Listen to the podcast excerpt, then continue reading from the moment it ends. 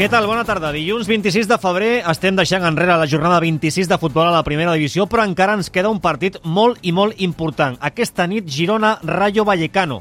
Una oportunitat als gironins de consolidar la seva posició d'equip Champions després de la derrota a nit de l'Atlètic de Bilbao. Si el Girona guanya, de retruc avançaria el Barça, ara segon classificat, i davant d'una setmana això sembla tranquil·la després de la bona imatge de dissabte contra el Getafe i a l'espera de visitar Bilbao diumenge. Tenim l'Espanyol en posició d'ascens directe a primera després de la 28a jornada de segona divisió.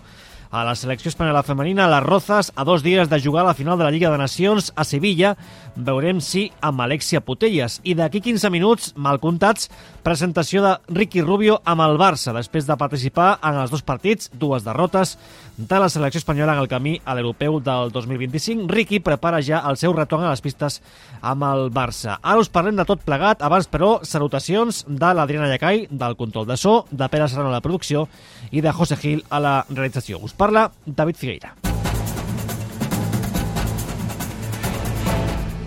Deia ahir Michel Sánchez que la derrota a Bilbao de fa una setmana va precipitar que digués allò d'estar convençuts que jugaran la propera Champions. Doncs una setmana després, el Girona Rayo sembla una grandíssima oportunitat de refermar el missatge del entrenador. Josep Guardiola, què tal? Bona tarda. Bona tarda. Perquè guanyar avui és deixar el cinquè novament a 10 punts i de retruc trencar la mala ratxa de les últimes 3 jornades. Sí, podríem dir que ha arribat el dia de reafirmar-se una vegada més en el gran objectiu de l'equip, que és lluitar en aquesta zona alta i per una plaça de la Lliga de Campions de cara al pròxim exercici.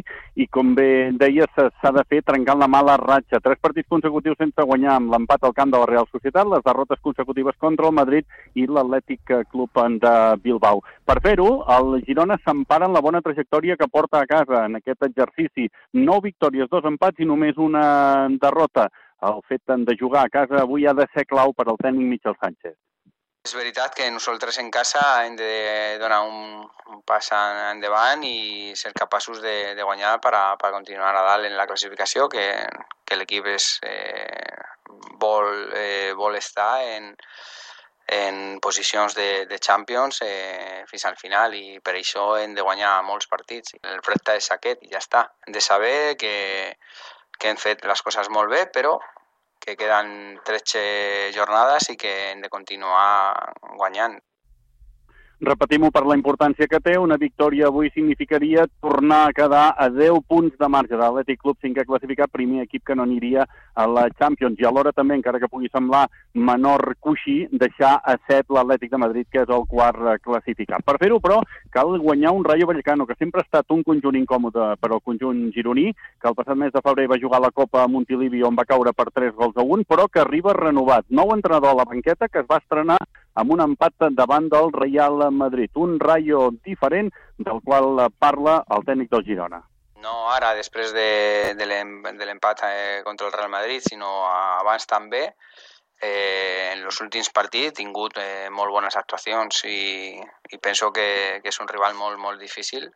Té jugadors d'un nivell molt alt eh, i espero un partit, un partit eh, complicat com tots Uh, anem a l'11 inicial, no hauria d'haver-hi massa canvis, en tot cas Mitchell recupera mm -hmm. Couto, que podria tornar a la dreta de la defensa, torna també David López després de moltes jornades de baixa, podria entrar a l'eix d'aquesta línia defensiva, per tant Gazzaniga a la porteria, Couto a la dreta amb Eric Garcia i Miguel a l'esquerra, el company d'Eric Garcia seria o bé David López o bé Juanpe, al mig del camp sense novetats, amb Angel i Aleix Garcia, Sigankov, Ivan Martín, Savinho i Dolvic en la resta d'aquest 11 per un partit que està previst per les 9 del vespre i que tanca jornada, com ja explicàvem ahir, David, absolutament sí. tot ple, per tant, la millor de les entrades a Montilivi. Perfecte, i llavors si demà expliquem la victòria del Girona després de tres jornades sense aconseguir-ho. Gràcies, Josep, bona tarda.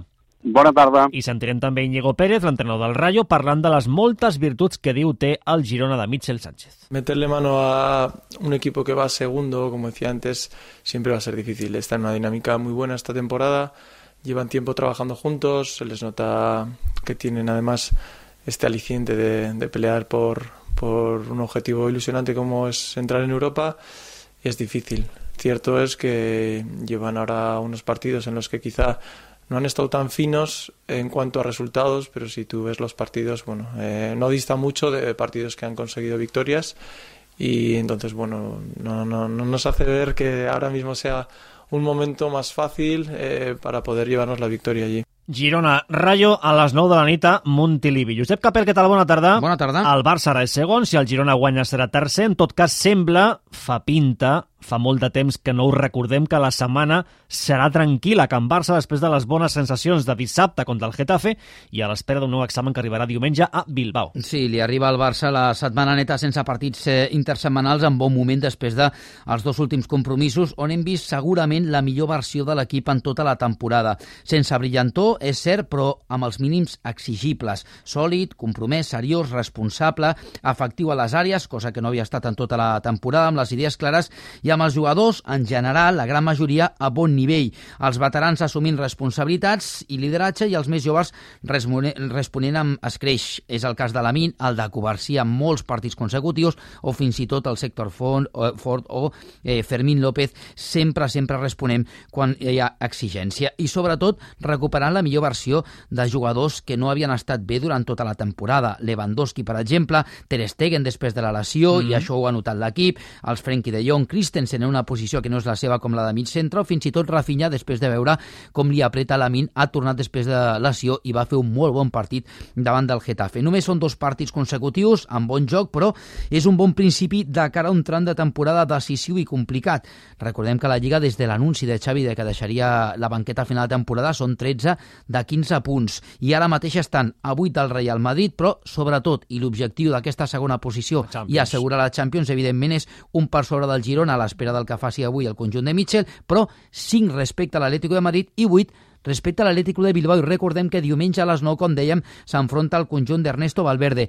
A més a més, el conjunt d'Ernesto Valverde que vindrà d'haver jugat partit de Copa i a més a més amb baixes importants eh, perquè tindran a Nico Williams i a Vivian sancionats i a, i a Yuri en aquest cas sancionat i ja veurem si eh, recupera Xavi algun dels jugadors lesionats com són Marcos Alonso o Ferran Torres. Aquesta setmana tindrà algun dia lliure ara a l'inici de setmana, després ja començaran a preparar fons, com dic, aquest partit a Sant Mamés. Perfecte, gràcies Josep, bona tarda. Fins ara. El Barça, com deies, que segueix a 8 punts del Madrid, que n'hi va guanyar per la mínima al Sevilla per 1-0, el gol avançada a la segona meitat de Luka Modric, el el croat suplent i en pocs minuts aquesta temporada va rebre els elogis del seu entrenador Carlo Ancelotti. Yo no puedo entrar en la cabeza de Luca, lo que, lo que puedo evaluar es lo que está haciendo, su comportamiento es eh, perfecto, eh, le tengo mucho cariño. Eh, me quedo con esto. Después lo que piensa él de quedarse como revulsivo, no, yo esto no lo sé, no lo sé. Modric acaba contracte el proper dia 30 de juny. A la segona divisió, jornada de descans de l'Espanyol, jornada per gaudir de la classificació, 28 jornades i posició d'ascens directe 4 mesos després. Tot plegat gràcies a la remuntada de dissabte a Ipurua i passar d'una derrota que semblava segura al minut 95 a una victòria per 2-3 al minut 98. L'equip blanquiblau començarà demà a preparar el partit de dissabte a casa davant l'Osca, que avui disputa el seu partit de la 28a jornada a Miranda de Ebro. El club blanquiblau ha distribuït unes les eh, declaracions als mitjans de Gastón Valles. El davanter uruguaià del filial va debutar dissabte al 89 quan l'equip perdia per dos gols a un. No me lo imaginé, pero se dio así y verdad que estoy muy feliz. Eh, todavía no me lo creo porque pasó todo muy rápido de ayer, hoy tuve que viajar y todo. Pero nada, una locura y nada, lo más importante que, que sacamos la victoria adelante. Los minutos que tuve los pude aprovechar muy bien y así que muy feliz. Valles, amb 22 anys, va disputar ahir 88 minuts, amb gol inclòs a la victòria del final de l'Espanyol contra el Penya Deportiva a la segona federació. El primer equip, recordem, és ara segon classificat, té el líder leganès a 3 punts i té un de marge amb el tercer classificat, l'Eibar, i 3 respecte a l'Sporting setè classificat, que seria el primer que no jugaria playoff d'ascens en cas d'acabar ara mateix la Lliga. Avui dilluns, últim dia de concentració de la selecció espanyola femenina a Madrid. Demà viatjaran cap a Sevilla per disputar dimecres contra França a la final de la Lliga de les Nacions, ja amb el bitllet olímpic a la butxaca de les espanyoles. Veurem si amb Alexia Putelles, que s'ha entrenat aquests dies amb normalitat a l'espera de rebre l'alta mèdica després de 3 mesos de baixa, i veurem també si, per exemple, repeteix segueix Laia Codina a l'eix de la defensa. La central catalana va jugar divendres la semifinal contra Països Baixos. La podreu escoltar aquesta nit a Radio Gata de los Deportes, a Ràdio Nacional, en entrevista amb José María Rubí. Per cert, que la selecció femenina és una de les nominades com a millor equip als Laureus 2024 que es lliuraran a Madrid el proper mes d'abril. També ha estat nominada Aitana Bonmatí com a millor esportista i Salma Parayuelo a la categoria d'esportista revelació. Per tant, selecció Aitana i Salma Parayuelo nominades als Premis Laureus 2024. I encara una més de futbol, de França. Ahir va punxar el líder, Paris Saint-Germain 1, Rennes 1, amb 0 a 1, i al minut 65, Luis Enrique va treure del camp Kylian Mbappé. Els motius, aquests. Antes o después, pronto o tarde, esto va a ocurrir y nos tenemos que acostumbrar a jugar sin Kylian. ¿Cuándo? Cuando yo considere oportuno eh, jugará y cuando no, no jugará, pues como hacen todos los entrenadores con sus jugadores. No quiero regalar un minuto. O sea, cada jugador que salga en el equipo titular del Paris Saint-Germain debe pensar que es una gran oportunidad, porque eso es lo que yo busco. No solo para esta temporada, sino también para la que viene. Quiero competitividad máxima. La propera setmana Mbappé, per a Sant Sebastià per jugar a la tornada dels vuitens de final Real Societat París Saint-Germain. 1 i 26. I en 4 minuts, a dos quarts de dues, està prevista la presentació de Ricky Rubio com a nou jugador del Barça de bàsquet després de signar contracte gairebé fa 3 setmanes i de tornar a jugar dijous passat i ahir amb la selecció espanyola. Auditori 1899, Jorge Abuelo, què tal? Bona tarda. Mm, què tal, David? Bona tarda. Sí, i amb pinta de dia gran, eh? eh presentació per tot dalt aquí a l'auditori amb el president Laporta, amb Josep Cubells, el directiu responsable de la secció de bàsquet i, sobretot, amb l'entorn de Ricky Rubio, amb el seu pare Ricard, que ja el veig assegut a la primera fila, també amb familiars, amb amics, tots per celebrar un dia molt especial, el retorn oficial 13 anys després del Barça del Masnou al Barça, el club on va jugar dues temporades entre el 2009 i el 2011 abans de marxar cap a l'NBA i al qual, també recordem, va guanyar una Eurolliga, una Lliga CB i dues Copes del Rei de la mà del que avui dia és el seu tècnic, Roger Grimau, també de Juan Carlos Navarro, hores d'ara el mànager de la secció, i de Víctor Sada, l'ajudant també avui dia de Grimau, a la banqueta del Barça. Sentirem Ricky en aquesta presentació i la posterior roda de premsa i, sobretot, i el sentirem perquè ens tranquil·litzi, perquè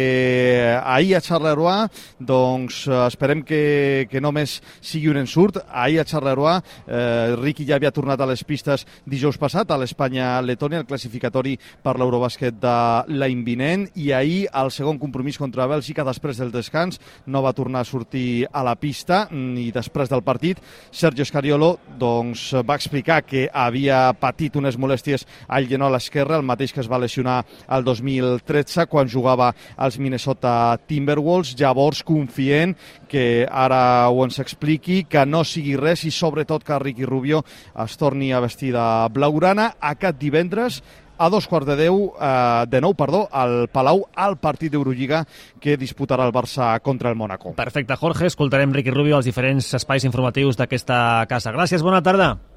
Una abraçada. I com deies, Ricky va participar ahir, no a la segona meitat, amb molèsties al genoll, del mm, Bèlgica 58, Espanya 53, la segona derrota consecutiva d'Espanya a la fase de classificació per l'europeu del 2025. Sergio Scariolo, el seleccionador, admet que la selecció es troba en una etapa de transició. Todos somos conscientes de nuestro momento histórico, ¿no? Nuestro momento histórico transicional y todos tenemos que comprometernos a buscar eh, todos los recursos posibles para eh, mantener lo más arriba posible nuestra competitividad, incluso en un momento evidentemente transicional. I de la seva banda, el jugador del Barça, Darío Brizuela, 14 punts ahir, el millor de la selecció, demana un pas endavant de tothom. Hay que mejorar porque se vienen torneos muy importantes y tenemos que dar un paso adelante. Y y los siguientes partidos contra ellos también hay que dar un paso adelante y este equipo es capaz de ello, lo hemos demostrado un montón de veces y bueno, hay que, hay que ser conscientes de que ningún partido es fácil y, y lucharlos a muerte. Els propers compromisos de la selecció seran el mes de novembre. Aquí acabem els esports. De seguida, la Mireia Moreno a la informació de Caire General. Bona tarda.